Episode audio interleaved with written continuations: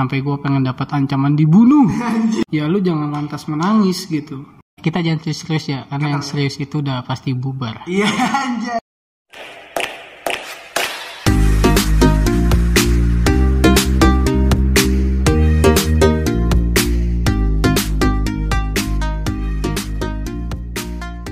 Ya, balik lagi di acara podcast gua yang nggak pernah ada yang dengerin, nggak pernah ada yang nonton, dan nggak pernah ada yang peduli tentang gua.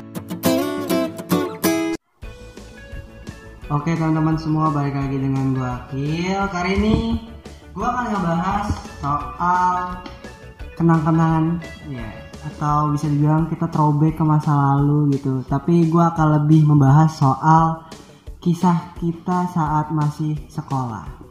Kali ini gua nggak sendirian, gue ditemenin seorang narasumber yang pastinya kece dan badai ya. Boleh siapa namanya? halo nama gue Detar Kok kayak suara ini ya? Apa pelaku bikin bakso borak anjir? Iya, terkadang saya suka menjadi tersangka juga sih. Eh, awalnya itu coba-coba apa gimana? Ya, awalnya saya coba-coba, tapi lama-lama jadi ketagihan. Eh, jadi gilbas ya? Ya, bisa dibilang iya begitu. Giling basah. Oke oke, gue langsung kembali ke pembahasan. Kita akan cerita-cerita soal kenang-kenangan kita semasa sekolah. Coba dong ceritain dari SMP, dari SD, SMP, SM, SMK apa SMA lu? SMK, SMK. Eh, jurusan apa tuh? jurusan ngambilin barang. Iya. jurusan teknik tenaga listrik. Anjay, singkatannya? Hah? Singkatannya? TIL. Anjay, gue juga ada singkatan dulu gue SMK juga. Gue akuntansi. Akuntansi. Ada kepanjangannya. Apa? Aku mantan yang nggak perlu ditangisi. Anjay, mabar. Kotor banget. Gila, gila, gila, gila. Coba dong, ada nggak sih kenang-kenangan lo atau kayak sesuatu hal yang sampai saat ini keinget banget gitu masa-masa lu sekolah entah SD, SMP atau SMK. Nah, Oke. Eh, jadi ini lu mau serius atau mau bercanda nih? Dua-duanya boleh nih. Enggak. Mabar. Ya buktinya udah ada yang bubar kan serius band dia bubar. Iya. Karena kita Serina aja yang jelas-jelas ada. Iya. Anjay, mabar. Kabar banget kan? Ya. Jadi gue pengen berbagi pengalaman sih. Dulu pada waktu saat gue sekolah pasti lu mungkin eh, untuk anak-anak sekolah khususnya yang kelas 2 SMK atau 2 SMA pasti lu eh, akan merasakan tuh yang namanya eh, praktek kerja lapangan.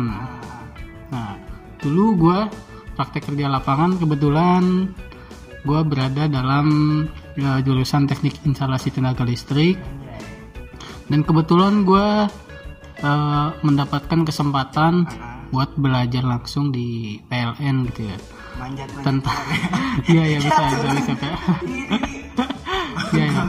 ya bagaimana tentang kelistrikan sih intinya jadi gua tiga bulan pertama itu bisa dibilang eh, masuk dalam tiga kategori penempatan yang berbeda.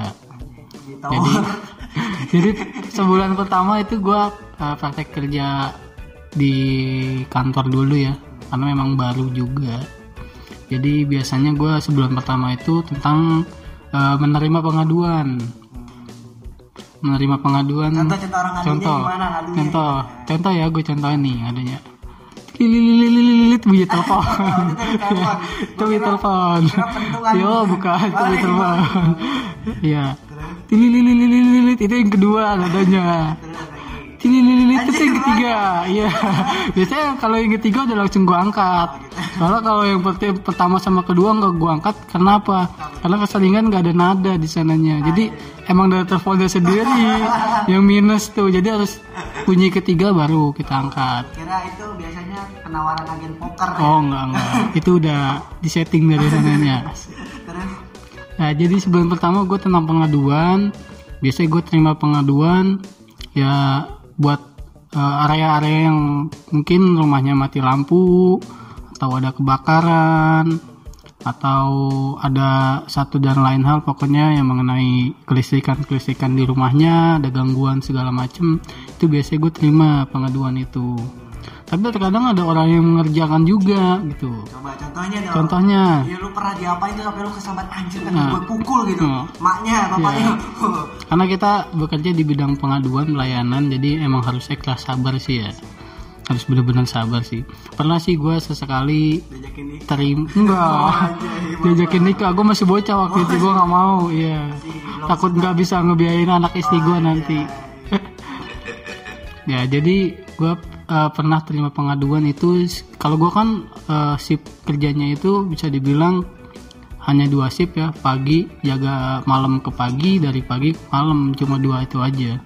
Sip sip sip sip. sip. Ya, biasanya kan gue kalau di bagian pengaduan itu kebetulan selama sebulan itu gue uh, peker- kerjaan gue itu dari malam bisa dibilang sore gitu ya. Dari jam sore sekitar maghrib lah, habis maghrib sampai menjelang subuh. Itu biasanya gue nggak terima-terima laporan kayak gitu. Pernah sesekali gue terima laporan itu jam 2 bener-bener ngerjain banget sih. Bener.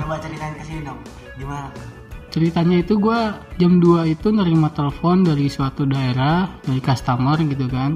Dia mengadukan eh, bahwa di rumahnya itu terjadi konsleting listrik. Anjir, serem. serem banget kan?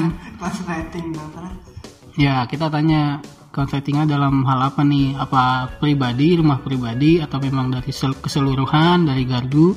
Biasanya kan ada konsleting dari dari rumah aja gitu kan ada yang dari gardu PLN-nya biasanya kalau gardu PLN-nya itu pada biasanya konsekuensinya itu yaitu bakalan terjadi mati lampu di seluruh area itu gitu loh yang gardunya terbakar itu. Biasanya sih kalau mati lampu mati lampu ya karena memang ada eh, gangguan di gardu. Pada waktu itu kebetulan dia melapor itu bilang kalau ada terjadi konsleting listrik di rumah pribadinya dia. Jadi termasuknya kan pengaduan pribadi ini ya bukan pengaduan untuk umum gitu. Nah pada waktu itu udah gue handle tuh alamatnya segala macam gue udah catet mau nggak mau kan kita harus ke sana juga kan.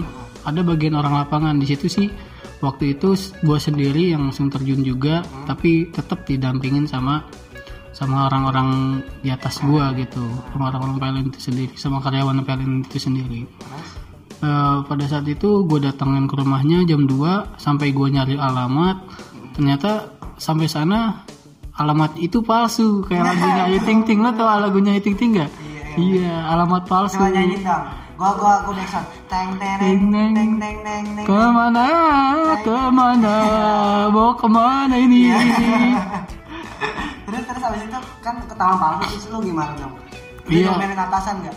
Di situ sih gue langsung laporan sih. Intinya gue ke sana tuh udah telepon ke nomor pengaduan tersebut. gue konfirmasi lagi, setibanya sampai di sana ternyata itu laporan palsu men. Anjay laporan Iya. palsu. Sekarang banyak yang dipalsukan jadi hidup itu harus hati-hati. Iya laporan aja bisa dipalsukan gitu. Apalagi cinta. Iya, mabar. Kabar banget kan lo. Gak jelas ya, iya emang gue gak jelas orangnya. Tapi lucu, Pak. Tapi lucu. Syukur deh. ya jadi gue udah sampai sana, gue telepon tuh nomor pengaduan tersebut. Ternyata itu nomor palsu juga. Nomor maksudnya bukan nomor pribadi, bukan nomor rumah. Ya emang orang iseng buat kerjain kita gitu.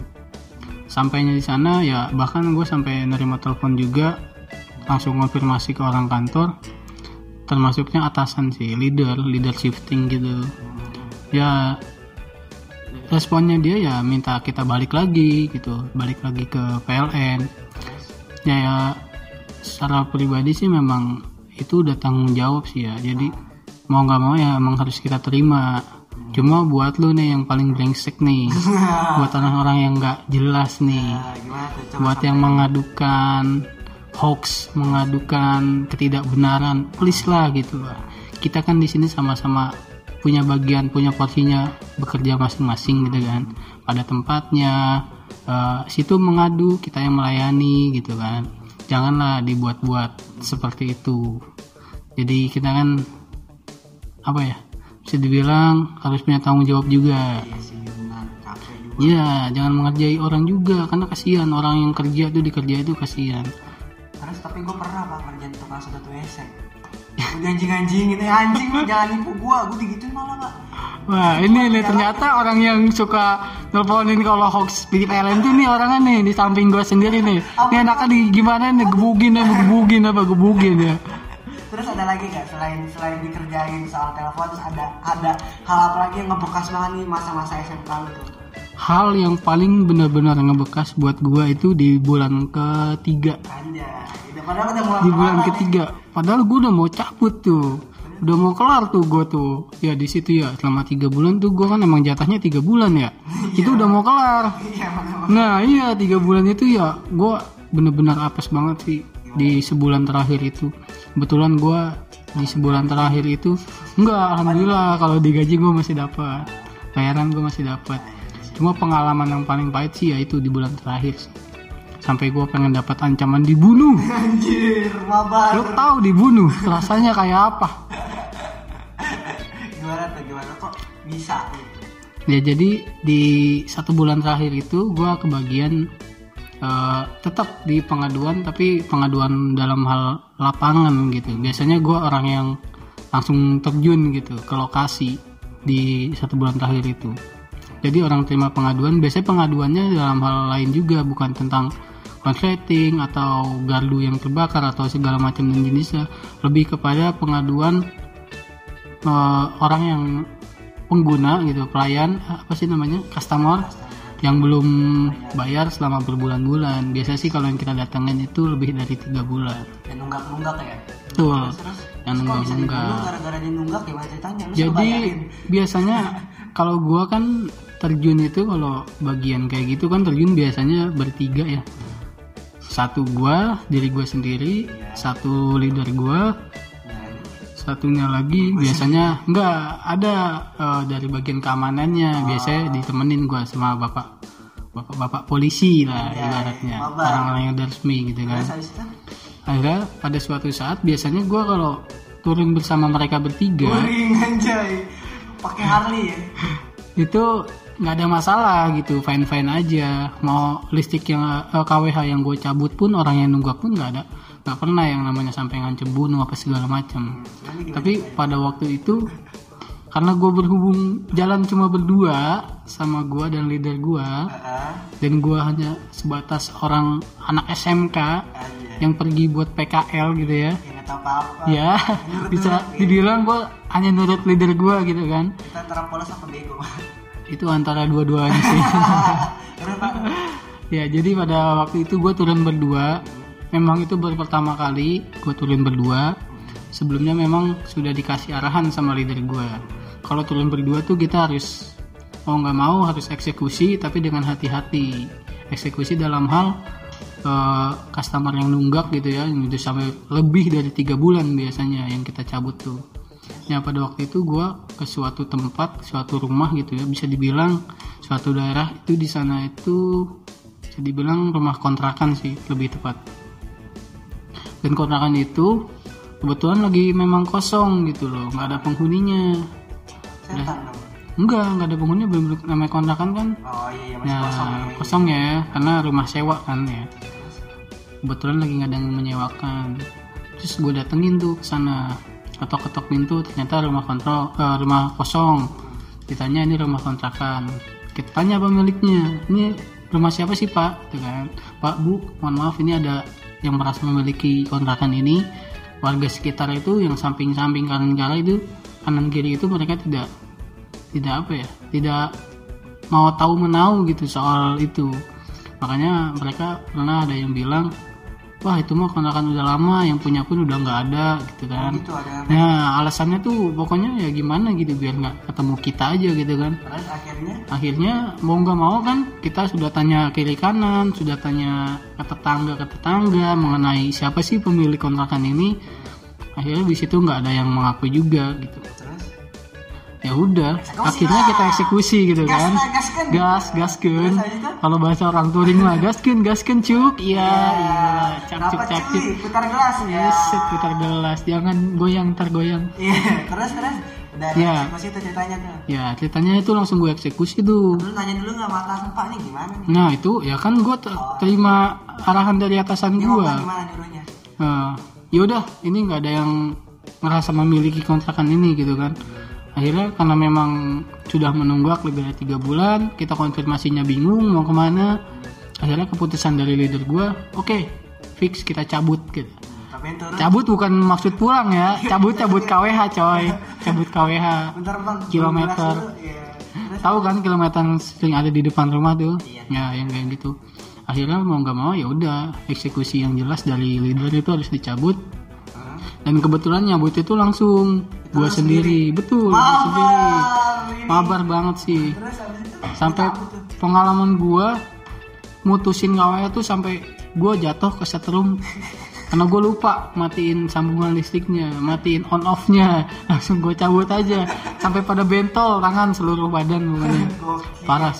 Perjuangan banget. tapi yang lebih yang lebih sakit sih yaitu ketika gua udah cabut Oh. udah mati kan semua bentol-bentol. udah bentol-bentol udah ketika gua mau balik arah ke tempat lain gitu ya maksudnya ke customer lain dengan leader gua itu ternyata nggak jauh dari situ ada bapak-bapak yang keluar dari rumahnya Wah ngapain nih?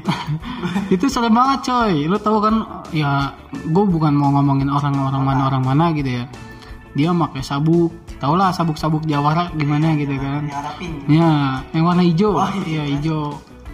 Megang-megang pisau. Dia nyamperin kita berdua nih. Nyamperin gue berdua.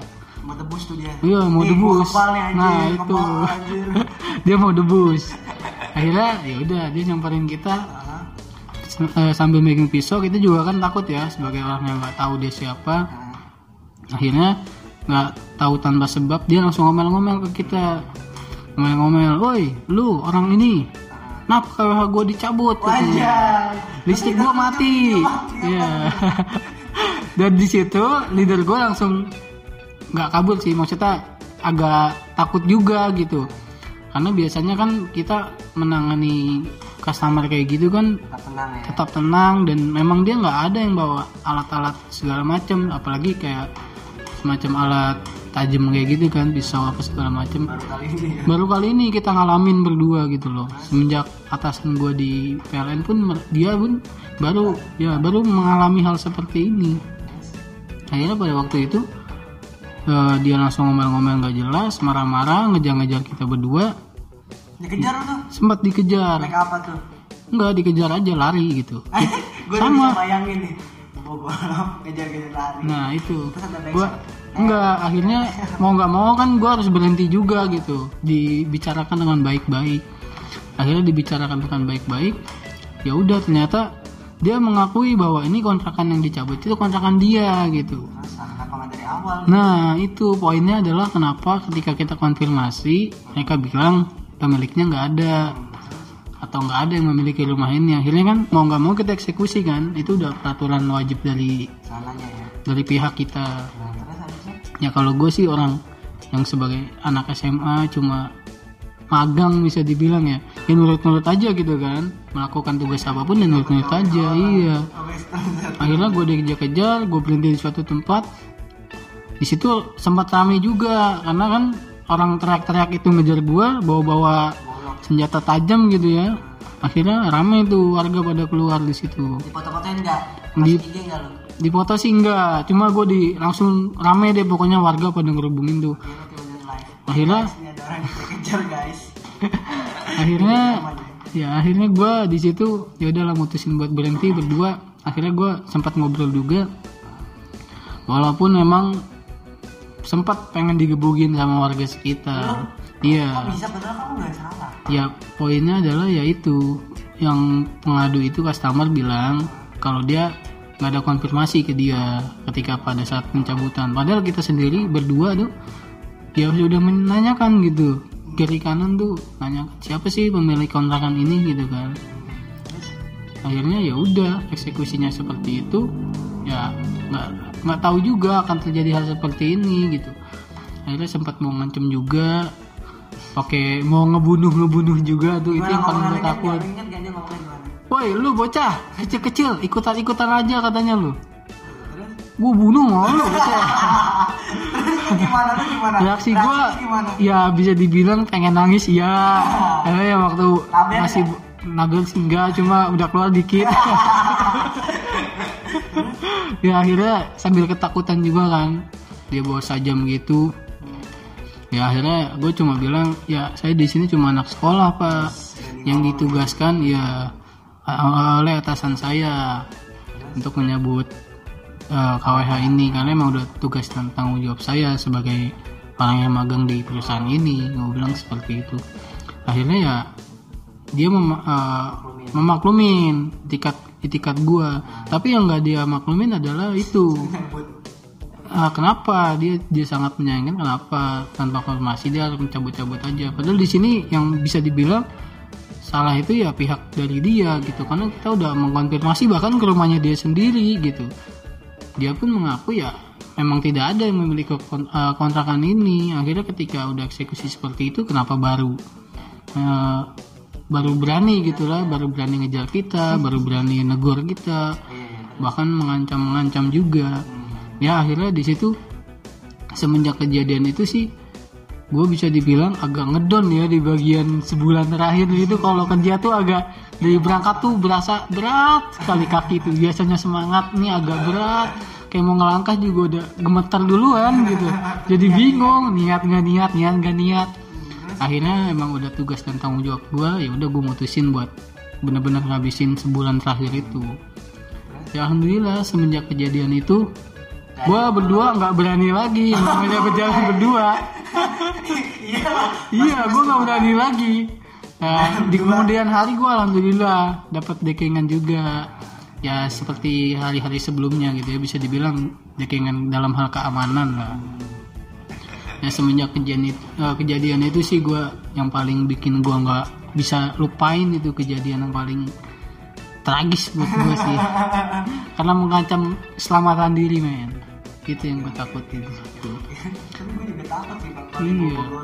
Iya. Makanya. Ya mau gimana ya namanya hidup gitu kan. Kadang ada yang seperti itu juga. leader lu ke mana tuh? Ikut juga bareng larinya? Leader gue bareng larinya cuman kira mencar enggak, lu ke sana ke sana. Bareng alhamdulillah dia tanggung jawab sama gue karena uh, diri gue dia yang bawa. Mau gimana pun pasti dia yang akan bertanggung jawab kan seperti itu. Ya intinya pengalaman gue sih ini sering aja berbagi pengalaman. Pengalaman waktu zaman sekolah gitu ya.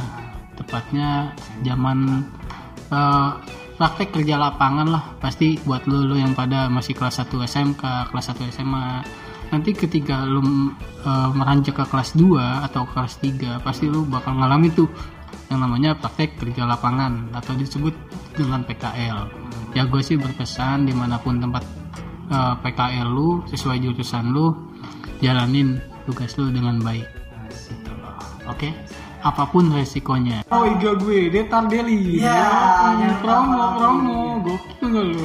Mabar. Mabar. Kalau gue pernah pak juga pengalaman PKL gue kan anak teknik pengelasan ya gue biasa-biasa bikin kayak meja besi gitu lah pokoknya di las-las lah. Gue pernah tuh bikin ngelas sendiri kan. Jadi kayak kayak lu juga sih ada leadernya gitu kan dia ngasih gambar terus gue suruh ngerjain meja. Gue bikin tuh ngelas dengan percaya diri gue ngelas ngelas ngelas. Eh pas jadi miring. Mejanya miring jadi kakinya kayak kayak, kayak apa ya? Kayak gak sejajar gitu loh gini oh, iya, kan. iya. terus ke, ke, ke gap bos gue terus gimana tuh? Terus kita gini lu PKL besok ke boleh pegang mesin. Gue suruh nyapu goblok. Gue suruh nyapu itu kesalahan fatal berarti buat dia. Iya sih parah banget kesalahan fatal. Makanya itulah maksudnya ya ketika bekerja lu harus fokus gitu. Loh harus lu kerjakan pekerjaan lu dengan baik dan benar gitu. Jangan sampai lu salah fokus. Gimana? Bisa sih kadang salah fokus itu kan terjadi. Mungkin lu ya punya masalah di rumah punya pikiran di rumah. Tapi ketika lu kerja lu harus menghilangkan itu. Pikirannya. Pikirannya pikirannya dia jadi orang tolong diem aja gitu gak punya pikiran. Nunggu ditegur sama bos baru kerja ya. Gak gak gak gak gak, gak seperti itu. Maksudnya lupakan permasalahan-permasalahan di rumah gitu. Kita harus profesionalisme ketika sudah masuk dalam bidang pekerjaan gitu. Oke oke eh, sebelum menutup nih ya tolong coba deh lu ada memang dari tadi dibuka ya? Hah? memang dari tadi dibuka? Oh, iya? iya Enggak kalau dibuka takut alat Pak. Cepetannya ditutup ya. Lu kira acara gua kerupuk anjay. Kerenyes kerenyes isinya. Coba dong ah, kasih pesan-pesan lu gitu jadi ka- kasih kesimpulan lu gitu pengalaman yang lu rasain terus akhirnya lu bisa menyimpulkan dan bisa jadi pelajaran untuk kita semua gitu penyampaian lu silakan Eh, ya itu tadi gue bilang ketika keseluruhan secara keseluruhan ketika lu mengalami sesuatu hal yang buruk sesuatu hal yang menimpa lu yang menurut lu itu sudah paling pada titik terjatuhnya lu ya lu jangan lantas menangis gitu. Tapi segeralah bangun bangun dari eh, keterpurukan lu itu begitu. Intinya sih itu. Jadi kita sebagai manusia positif harus seperti itu ketika terjatuh jangan lantas menangis tapi terjatuhlah dan segeralah bangkit itulah quotes dari gue oke Oke, oke. gokil mabar banget nih mabar. Oke Bang Detar, thank you banget ya buat cerita-ceritanya di sore hari ini. Ya, semoga teman-teman semua yang dengerin bisa ambil hikmahnya ya. Dan semoga bisa jadi pelajaran juga. Tadi gimana ceritanya Bang Detar PKL sampai ke setrum-setrum Dikejar-kejar orang gitu kan Sampai ya itulah jadi pengalaman Dan ngebuat dia semakin hebat dan semakin keren lagi ke depannya. Oke thank you. Semoga bermanfaat dan sampai jumpa di podcast Akil selanjutnya. Anjay, mabar. Anjay